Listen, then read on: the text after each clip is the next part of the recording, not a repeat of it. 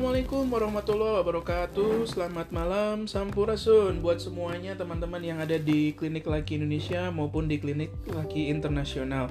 Malam ini saya ditemani khusus oleh Bapak Direktur Klinik Laki Internasional Yaitu Bapak Bari gitu. Yuk mari kita sambut. Yuk Bapak Bari apa kabarnya? Assalamualaikum, alhamdulillah baik Pak Dokter. Oh, Gimana oke. Dokter kabarnya? Ya lumayan menyebalkan gitu karena memang ini sekarang kita kan lagi masuk lagi nih eh, apa eh, penerapan ppkm mikro yang dipertebal nih khusus kota Bandung gitu.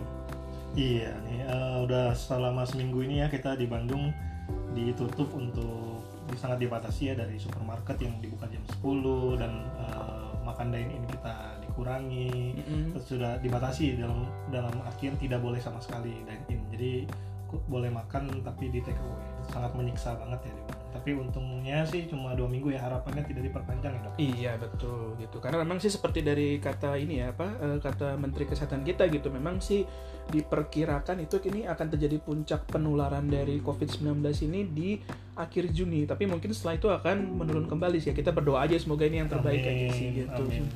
Apalagi sekarang khususnya di Bandung ya dan di Indonesia ini vaksin lagi gencar-gencarnya ya dok. Iya betul sekali. Nah menurut dokter sendiri nih dengan tarik rem kencang nih eh, Jawa Barat khususnya Bandung ya untuk eh, pandemi ini pandemi ini gimana sih dok menurut dokter? Oke, pandemi itu sih sebenarnya ya mungkin kalau dalam istilah awamnya itu kan eh, merupakan suatu epidemi ya. Jadi epidemi itu merupakan suatu penyebaran penyakit yang melibatkan beberapa daerah gitu. Nah, kalau kita berbicara soal pandemi gitu kan yang seperti eh, ininya sih seperti definisi awalnya. Jadi kalau virus itu kan membutuhkan apa ya? Membutuhkan suatu inang gitu. Jadi inangnya itu adalah manusia. Jadi kalau memang tidak ada manusia jelas virus itu akan punah gitu. Karena sebenarnya virus juga tidak bisa dikatakan sepenuhnya sebagai makhluk hidup gitu karena dia virus yang seperti mungkin teman-teman yang dari SMA-nya eh, masuk IPA mungkin tahu lah ya bagaimana virus itu bekerja. Mungkin saya akan jelaskan lebih sedikit lebih lebih lebih simple. Jadi virus itu membutuhkan sel tubuh kita untuk berkembang biak gitu. Nah, jadi memang eh, ya istilahnya memang ya virus membutuhkan inangnya berupa manusia. Jadi kalau nggak ada manusia jelas-jelas memang tidak ada virus gitu. Nah, kalau memang tidak ada manusia juga memang tidak ada akan ada penyebaran gitu berupa epidemi, endemi atau ataupun mungkin yang lebih luasnya itu pandemi. Nah, jadi kalau pandemi itu penyebarannya jelas itu eh, lintas negara gitu, bahkan lintas benua atau bahkan di seluruh dunia yang seperti kita alami saat ini nih pandemi COVID-19 gitu. Nah, yang lain juga memang sebenarnya ini eh, masalah pandemi juga ini bisa terjadi dalam artian secara sirkulasinya itu eh, secara ini apa ya? Mungkin beberapa puluh tahun, mungkin bisa dikatakan setiap 20 atau 30 tahun sekali gitu. Mungkin yang awal-awal yang kita bisa baca di Wikipedia itu ya eh, salah satu pandemi yang cukup berat itu menghabiskan berapa juta manusia yang meninggal itu adalah flu Spanyol gitu. H2N2 gitu sih. Nah, yang terakhir sih mungkin ada nih H1N1 tahun 2009, cuman dampaknya emang nggak nggak terlalu besar tapi ini memang sudah tersebar. Burung ya waktu itu. Flu burung, flu burung sebenarnya sih sudah tidak bisa dikatakan juga sebagai pandemi karena memang tidak apa ya tidak terlalu luas sih. Tapi saya tidak tahu juga gitu karena memang waktu pas zaman tahun 2009 itu H5N1 itu avian flu itu memang saya sempat dapat satu pasiennya waktu saya menjelang apa ya menjalani profesi dokter muda gitu. Memang gejalanya mirip-mirip banget nih sama makanya waktu pas saya ini ya eh, apa ya ada salah satu keluarga saya yang eh, waktu itu memang masih awal-awal pandemi covid ini gitu datang dengan keluhan apa ya eh, istilahnya infeksi berat di paru gitu dan pas saya lihat itu kok rasanya kok mirip banget ya waktu pas saya kos nih saya sempat nebak kalau ini flu burung dan ternyata setelah dikonfirmasi terakhir memang yang meninggalnya karena memang COVID-19 gitu. Jadi ya pandemi itu istilahnya ya penyebaran penyakitnya lintas negara bahkan lintas benua bahkan seluruh dunia begitu. Iya, yang seperti yang kita tahu sendiri eh, awal dari virus ini dari Wuhan, China ya dok ya. Ya, Nah, itu dan diduga. untuk- iya diduga dari sana ya. Dan virus ini eh, ini kabarnya merebak berkembang dok. Yang kabarnya ini cuma virus eh, biasa dan sekarang banyak variannya. Ada alpha, beta, Char- Charlie dan mungkin sekarang datanglah delta gitu yang mungkin lebih ganas dan angka di Indonesia sendiri itu melonjak tajam karena varian delta ini sendiri yang belum eh, dipersiapkan dengan pemerintah Indonesia. Oke. Ini gimana? Oke, baik. Nah, jadi sebenarnya memang ya virus itu tidak bisa dikatakan eh, makhluk hidup gitu karena memang kan itu suatu materi materi genetika ya. Isinya bisa DNA ataupun RNA. Nah, itu kebetulan memang ya uh, coronavirus ini masuk dalam golongan ya virus yang memiliki materi genetik RNA gitu. Nah, kenapa sih manusia tuh bisa bermutasi? Contohnya mungkin yang akibat dari ini apa uh, di Rusia sana di Chernobyl. Nah, itu karena memang apa? Karena uh, si radiasi apa? Radiasi radiasinya itu bisa menyebabkan perubahan di apa di DNA-nya gitu. Nah, jadi terjadi mutasi. Nah, sebenarnya virus juga kan bukan makhluk hidup gitu. Nah, kan jadi dia bisa sekali mudah sekali mengalami mutasi gitu. Nah, mungkin kalau teman-teman pengen tahu lah boleh lah baca sedikit mengenai beritanya ya mengenai masalah virus flu gitu influenza flu gitu yang H5N1 H1N1 bahkan H2N2 gitu yang seperti dibilang flu Spanyol di tahun 1918 sampai 1920 begitu jadi ya boleh dibilang ya virus itu bisa mudah sekali bermutasi karena memang ya dia bukan makhluk hidup di situ gitu. Oke tadi uh, dokter sempat menyinggung soal SARS ya kalau nggak salah ya, SARS. yang di Singapura ya. Nah ini juga lagi gencar nih uh, Singapura uh, rencananya akan uh, membuka negaranya karena akan menganggap uh, virus ini sama diperlakukan seperti flu yang biasa. Uh, gimana menurut dokter terhadap uh, perlakuan Singapura negara Singapura? Apakah kita bisa mencontoh Singapura itu yang dulu yang pernah menghadapi SARS begitu hebatnya dan sekarang mereka uh, dengan COVID-19 sudah siap untuk go membuka lagi? Ini untuk Indonesia kira-kira akan hal yang sama yang dilakukan atau gimana? Saya tidak tidak bisa tahu dengan pasti gitu karena memang ini kan tergantung dari kebijakan politik gitu. Saya hanya mungkin lebih banyak ya berkecimpung di dunia kesehatan gitu sih.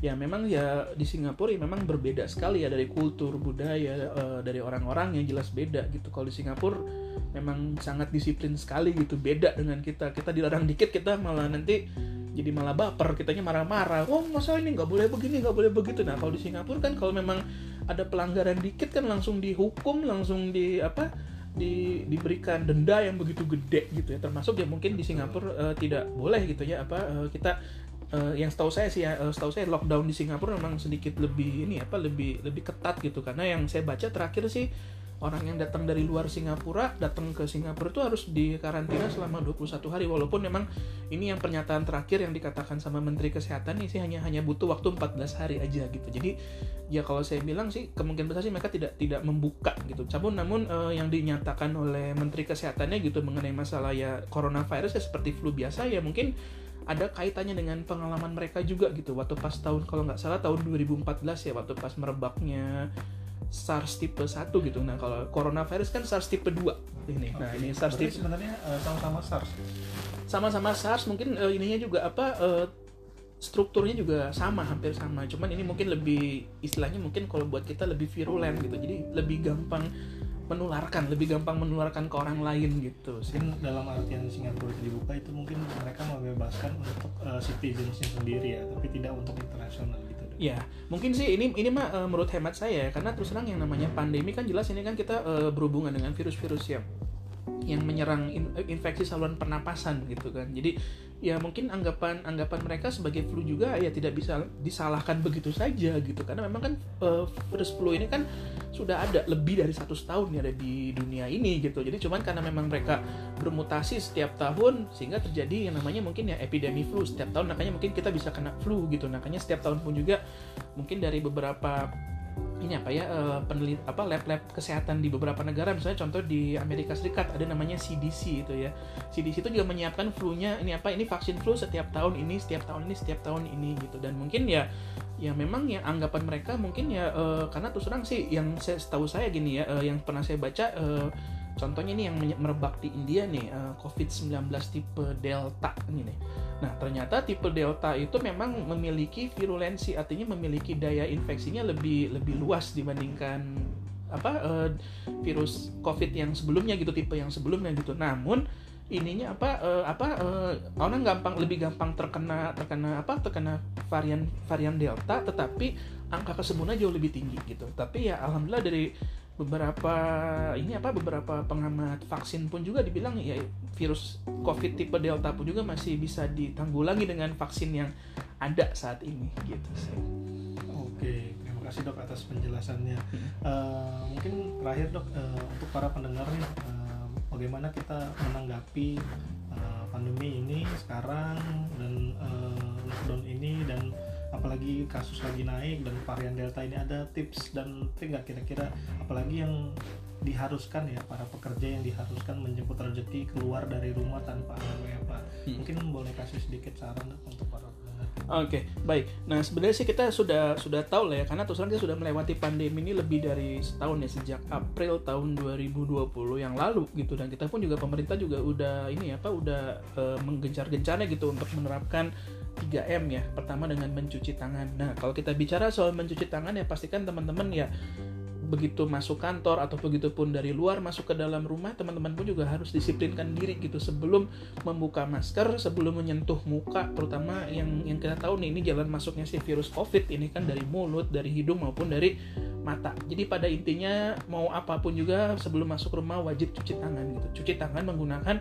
sabun minimal 15 sampai 30 detik lah gitu. Jadi ya jelas itu kan karena memang yang saya bilang gitu karena kan emang eh, seperti saya bilang tadi di awal kan eh, virus itu kan adalah suatu selubung protein yang mengandung gen- materi genetika DNA atau RNA. Jadi dengan dengan sabun si apa si materi apa si protein itu akan hancur. Jadi gitu. Jadi pada intinya ketika masuk rumah pastikan cuci tangan dulu, jangan buka masker dulu. Jadi cuci tangan dulu. Begitu sampai di kantor pun juga wah, eh, kalau memang eh, apa ya membutuh apa eh, membutuhkan kita untuk membuka masker kita ya pada intinya kita harus mencuci tangan dulu. Jangan pernah nyentuh nyentuh muka bagian muka sebelum kita mencuci tangan. Kedua, kita harus memakai masker. Jelas kalau keluar ya kita harus pakai masker. Jadi ja- apa ya jangan jangan sekedar nih oh nih nggak apa-apa lah ini mas saudara saya gitu lah. Tapi kalau memang kalau memang anda yakin saudara anda juga tidak sudah di swab dulu ya silakan. Apa eh, buka masker. Tapi ya jangan tetap jaga apa tetap eh, masker itu ya mau apa ya mau kalau anda datang ke kerumunan misalnya datang ke pus, apa datang ke apa ya tempat perbelanjaan gitu ya misalnya Alfamart atau apa ya tetaplah masker dipakai. Jangan anda yakin bahwa oh saya tidak apa-apa kok tidak pakai masker. Nah apalagi seperti dibilang nih virus apa eh, covid varian delta ini mudah sekali menyebar gitu. Jadi pada intinya kalau saya ada orang bersin nih haci gitu kan itu kan dropletnya kan kena angin bisa ke mana-mana dan masuk ke hidung kita bisa langsung kita eh, mudah sekali tertular. Bahkan ya dikatakan nih virus apa si varian delta ini eh, penyebarannya ini sangat virulen banget bahkan bisa terinfeksi dalam hitungan detik bukan lagi hitungan menit.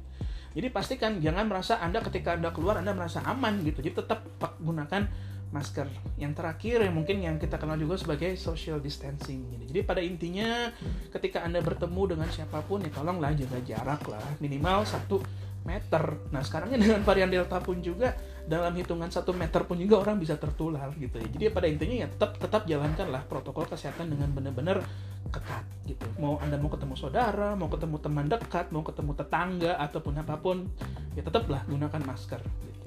Oke baik terima kasih. Jadi intinya itu 3M tadi dok ya. Ya. Nah, bicara soal 3M ini kemarin lagi gencar-gencarnya beberapa nakes dan beberapa influencer lah yang bergerak di bidang kesehatan itu menyarankan untuk lebih digencarkan lagi maskernya dua lapis dok katanya. Nah. Maskernya dua lapis yang satunya itu masker kain dan satunya itu masker medis itu Ya.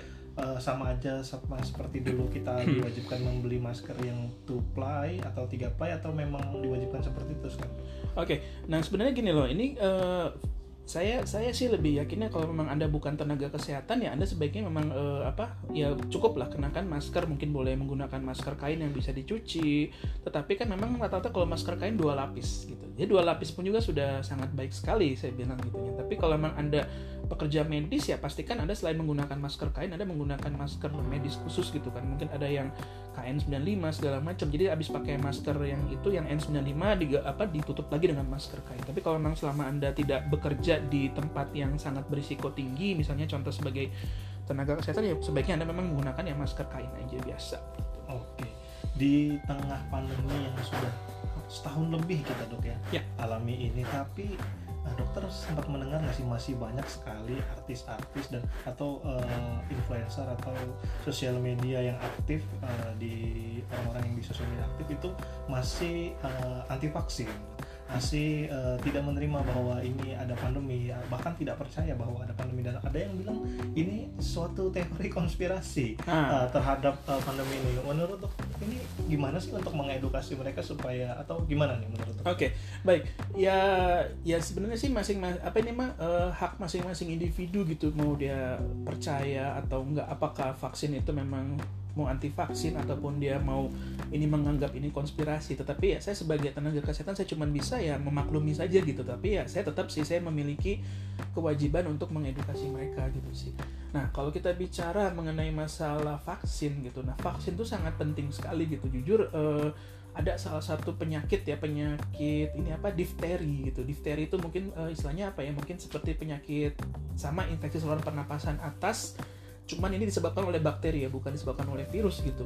Nah difteri itu sebenarnya sudah ini apa sudah sudah hampir hilang di dunia itu. Namun ya ada beberapa gerakan yang anti vaksin malah difteri itu muncul kembali gitu. Jadi istilahnya mulai uh, ya waktu saya zaman saya kelas pun juga saya pernah menemui satu orang yang mengalami difteri gitu. Jadi dia uh, apa di saluran pernapasannya itu di apa di apa ya semacam diselimuti oleh selaput abu-abu itu. Memang jelas banget difteri. Nah, namun difteri itu kan sebenarnya sudah masuk dalam program pemerintah gitu dalam artian untuk anti difteri itu termasuk dalam uh, apa uh, vaksin DPT.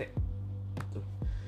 Difteri, polio sama tetanus gitu. Itu sudah harus dibelikan apa diberikan pada masa balita eh gitu. Jadi ya mungkin ya uh, ya kembali lagi sih. Jadi pada intinya jangan sampai yang penyakit yang sudah hilang dari dunia itu muncul kembali karena memang istilahnya karena memang merasakan mungkin ya uh, vaksin itu ya konspirasi inilah konspirasi negara negara asing gitunya untuk menguasai. Ada yang bilang katanya vaksin itu mengandung apa mengandung chip gitu untuk apa untuk mendeteksi apa istilahnya untuk men-tracking kita ada di mana di mana gitu. Tapi menurut saya sih mah ya padahal padahal itu cairan yang akan hancur ya bersama darah ya nggak nggak nggak hancur juga. Jadi memang beberapa vaksin kan memang ada isinya kan uh, apa ya bakteri yang dilemahkan ada potongan dari bak apa potongan dari kuman tersebut ada yang memang uh, kumannya masih hidup tapi dilemahkan segala macam. Jadi ya intinya ya ya sebenarnya kan sebenarnya vaksin ini kan sebenarnya uh, apa ya udah lama sekali gitu. Istilahnya sudah sudah ada ilmu pengetahuannya sudah dipelajari dengan statistik dalam artian sudah ada ilmu khusus. Bahkan ya di setiap bagian di kedokteran ada namanya khusus imunologi gitu yang mempelajari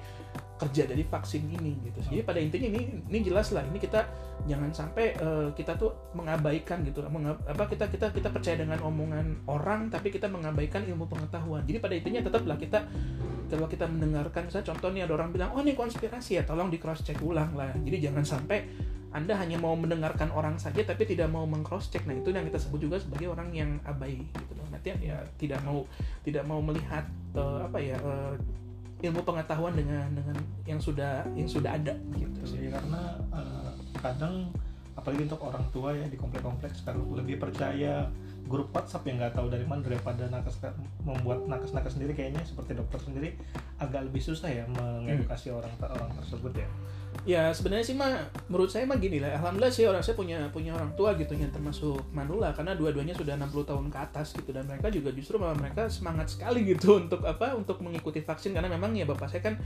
pensiunan BUMN dan di, uh, diberikan itu secara gratis gitu sih dan memang ya uh, ini ya ini dari dulu juga ya termasuk kayak flu Spanyol segala macam kan sudah hilang atau mungkin yang sekarang variola atau mungkin boleh dibilang cacar apa ya cacar monyet ya. Variola itu udah nggak ada di dunia ini walaupun cacaran masih ada gitu. Jadi ya memang ya peran vaksinnya penting sekali. Makanya mungkin ya salah satu kenapa Singapura bisa berani mengatakan bahwa ini mungkin seperti flu biasa ya kemungkinan besar nanti kita di masa depan ya mungkin tetap ada ya karena terus terang umur flu virus flu aja udah lebih dari 100 tahun gitu. Nah sekarang ya mungkin ya mungkin akan tetap ada yang namanya COVID itu akan tetap ada, namun nanti karena memang kita sudah mulai divaksin semua, kita sudah istilahnya itu sudah memiliki apa ya, memiliki imunitas kekebalan secara komunitas atau mungkin yang kita sebut juga sebagai herd immunity ya kita pun juga pasti akan lebih nanti di beberapa tahun kemudian ya covid mah ya biasa aja gitu nggak nggak ada lagi nanti mungkin orang yang apa orang yang lemah terhadap covid akibat akibatnya meninggal mungkin ke depannya mungkin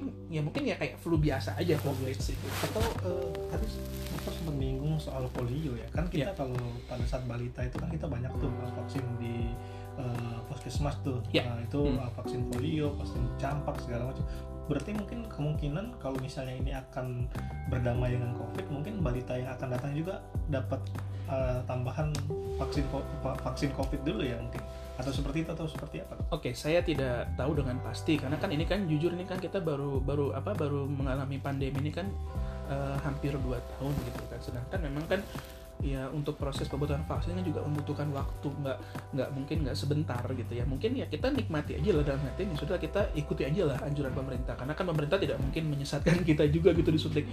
Ya kan walaupun memang sebenarnya memang ada lah ya namanya uh, efek samping dari vaksin yang namanya juga obat gitu. Jangan jujur nggak pernah ada sih obat yang tidak memiliki efek samping ya. Cuman kan efek samping itu tidak selalu muncul. Dalam artian kan persentasinya kan tidak tidak besar. Mungkin hanya sekian 0, persen nah itu ya ya kita ya kita ya kita optimis aja lah kita percaya aja bahwa ini memang yang terbaik nih karena kan memang kan dalam agama apa pun juga kita kan dianjurkan untuk istilahnya mencoba mungkin kalau dalam Islam ya berikhtiar kita berusaha maksimal istilahnya ya biar kita sehat semua di sini gitu. Oke. Oke. Mungkin cukup ya dok ya. Uh, banyak sekali insight pada malam ini terkait pandemi dan gimana kita uh, menyikapi vaksin dan gimana kita berdamai dengan pandemi di situasi sekarang ini. Mungkin terakhir dok ada yang ingin disampaikan lagi sebelum kita Oke, okay, baik buat teman-teman yang ada di klinik laki Indonesia maupun di klinik laki internasional, tetaplah ya lakukan protokol kesehatan dengan ketat dengan 3M yaitu kita dengan mencuci tangan, memakai masker dan menjaga jarak itu tetap dilakukan. Jadi jangan apa jangan langsung apa jangan jangan kita istilahnya berpikiran negatif gitu mengenai masalah Covid karena sebenarnya jujur ya mohon maaf ya gitu ya. Uh, ini sih pengalaman dari teman-teman yang sudah pernah menjalani isolasi di rumah sakit gitu ya walaupun yang sudah sakit juga pernah bercerita gitu. Itu kondisinya begitu ada di rumah sakit itu yang ada tuh pikirannya tuh negatif gitu karena mungkin hampir setiap hari pasti ada yang sakit mungkin ada, ada ataupun juga ada yang meninggal gitu. Jadi pada intinya kita tetap harus bahagia kita harus happy harus berpikiran optimis gitu. Karena jelas lah emang ada ada jelas banget ya ada uh, korelasinya gitu antara kita terus berpikiran positif kita terus happy dengan sistem imun tubuh kita dan teman-teman pun juga harus tahu bahwasanya penyakit virus itu memang istilahnya tuh self limiting disease. Jadi artinya bisa sembuh dengan sendirinya. Jadi teman-teman ketika teman-teman sakit jangan langsung stres. Jangan langsung karena sebenarnya pada intinya adalah kalau kita stres kita tambah cepat cepat sakit. Bahkan cepat apa ya istilahnya tambah parah penyakitnya. Jadi pada intinya jangan pernah takut dan tetap selain menjaga protokol kesehatan teman-teman juga harus happy setiap hari. Jadi jangan apa ya jangan dibawa stres gitu. Jadi ya saya tetap percaya gitu di, uh, ada istilah mungkin istilah dalam bahasa Latin di yang sering didengungkan di, di kedokteran adalah mensana in corpore sano jadi di dalam dalam tubuh yang sehat ada jiwa yang kuat. Jadi pada intinya kita pun juga selain menjaga apa menjaga ini apa melakukan 3M, kita pun juga harusnya dalam arti kita menjaga iman kita gitu. Jadi kita uh, jangan karena memang ya uh, iman itu buat saya tuh definisinya adalah uh, percaya pada sesuatu yang tidak apa ya yang kasat mata gitu kan virusnya ini kasat mata. Tidak bisa kita lihat. Kita harus tetap percaya bahwa harus kita bisa mengimani bahwa virus itu ada. Nah selain itu juga kita harus juga menjaga imun. Ya menjaga imunnya dengan apa aja nih? Kita dengan ya salah satunya mungkin yang saya sering saya lakukan ya saya rutin lah ya minum vitamin tiap hari terus juga uh, saya olahraga gitu. Saya tiap hari olahraga gitu. Ya alhamdulillah gitu ya saya bukannya saya uh, istilahnya kabur saya tidak akan terinfeksi virus. Namun ya memang yang uh, sudah dikatakan itu penelitian bahwa orang-orang yang memang rajin berolahraga hidupnya selalu dalam kondisi sehat minum vitamin terus juga bahagia terus gitu walaupun dia kena covid mungkin kemungkinan besar dia OTG menjadi orang tanpa gejala. Atau mungkin gejalanya sangat minim sekali atau bahkan mungkin dia tidak tidak sakit sama sekali atau gitu. Jadi pada intinya tetap ya selain happy konsumsi vitamin teman-teman pun juga harus bahagia terus gitu. Harus happy gitu ya uh, terus yang saya juga teman-teman kalau memang ada program dari pemerintah di sekitar uh, apa ya di sekitar teman-teman tempat tinggal teman-teman misalnya contoh ada vaksinasi gratis yang diadakan oleh pemerintah setempat misalnya dari polsek ataupun dari kecamatan ataupun kelurahan gitu ya tolong diikuti gitu. Jadi jangan apa ya jangan jangan pernah ragu nih kalau memang ada acak nih apa ada ada program nih vaksin gratis ikutin aja gitu. Jadi nggak usah takut dan nikmati aja gitu. Nggak usah nggak usah dipikirin dulu efek sampingnya gitu. Yang penting kita harus optimis bahwa ini adalah tujuan kita berikhtiar untuk menjadi sehat di sini gitu itu aja Oke, terima kasih Dokter Yo. Oke, Yo sama-sama. Oke, terima kasih atas perhatian teman-teman saya yang ada di podcast ini. Saya ucapkan terima kasih. Mohon maaf atas segala kekurangannya. Wassalamualaikum warahmatullahi wabarakatuh.